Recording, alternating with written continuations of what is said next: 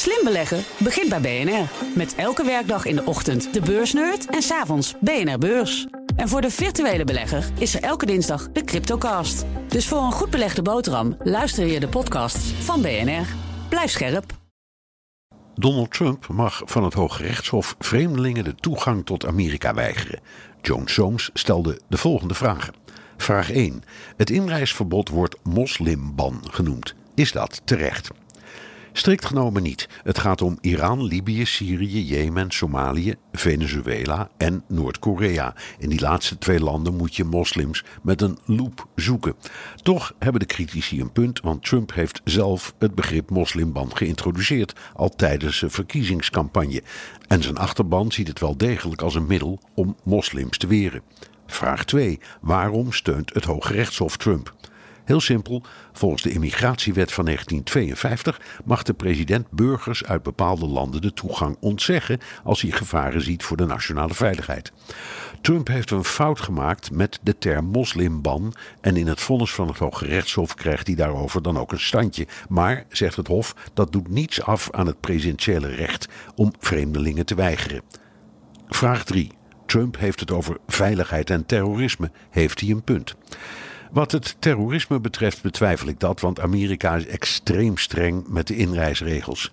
Veiligheid is wat anders. Het idee van landen op een zwarte lijst is niet van Trump, maar van Obama. De redenering was: met een aantal van die landen hebben we geen betrekkingen en met de regeringen en luchthavens in die landen kun je geen afspraken maken om paspoorten, visa en bagage te controleren.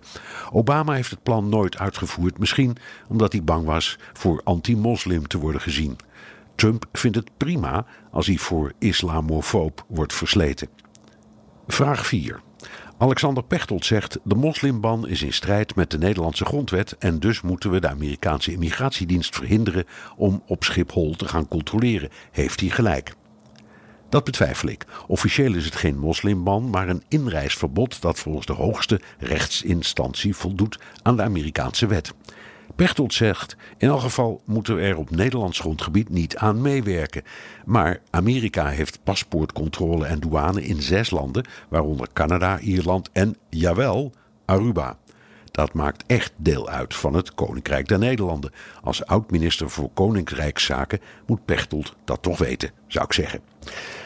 Vraag 5. Wat kan ons die Amerikaanse paspoortcontrole eigenlijk schelen? Heel veel. Voor wie wel eens naar Amerika reist, betekent het niet meer in die gruwelijke rijen staan bij aankomst. Voor KLM is het goud waard, want heel veel buitenlandse passagiers reizen via Schiphol naar de Verenigde Staten. Amsterdam wordt dan veel aantrekkelijker als overstapplaats. Dank Joan Soames. In de wereld volgens Hammelburg beantwoord ik elke zaterdag vijf vragen over een internationaal thema. Hebt u een onderwerp? Stuur dan een mail naar onlineredactie.bnr.nl.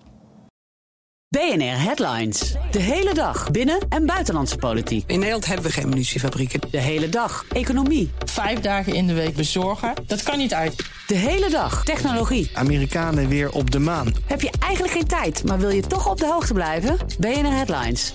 Het laatste nieuws, maar dan in het kort. Ga naar je podcast-app en abonneer je op BNR Headlines.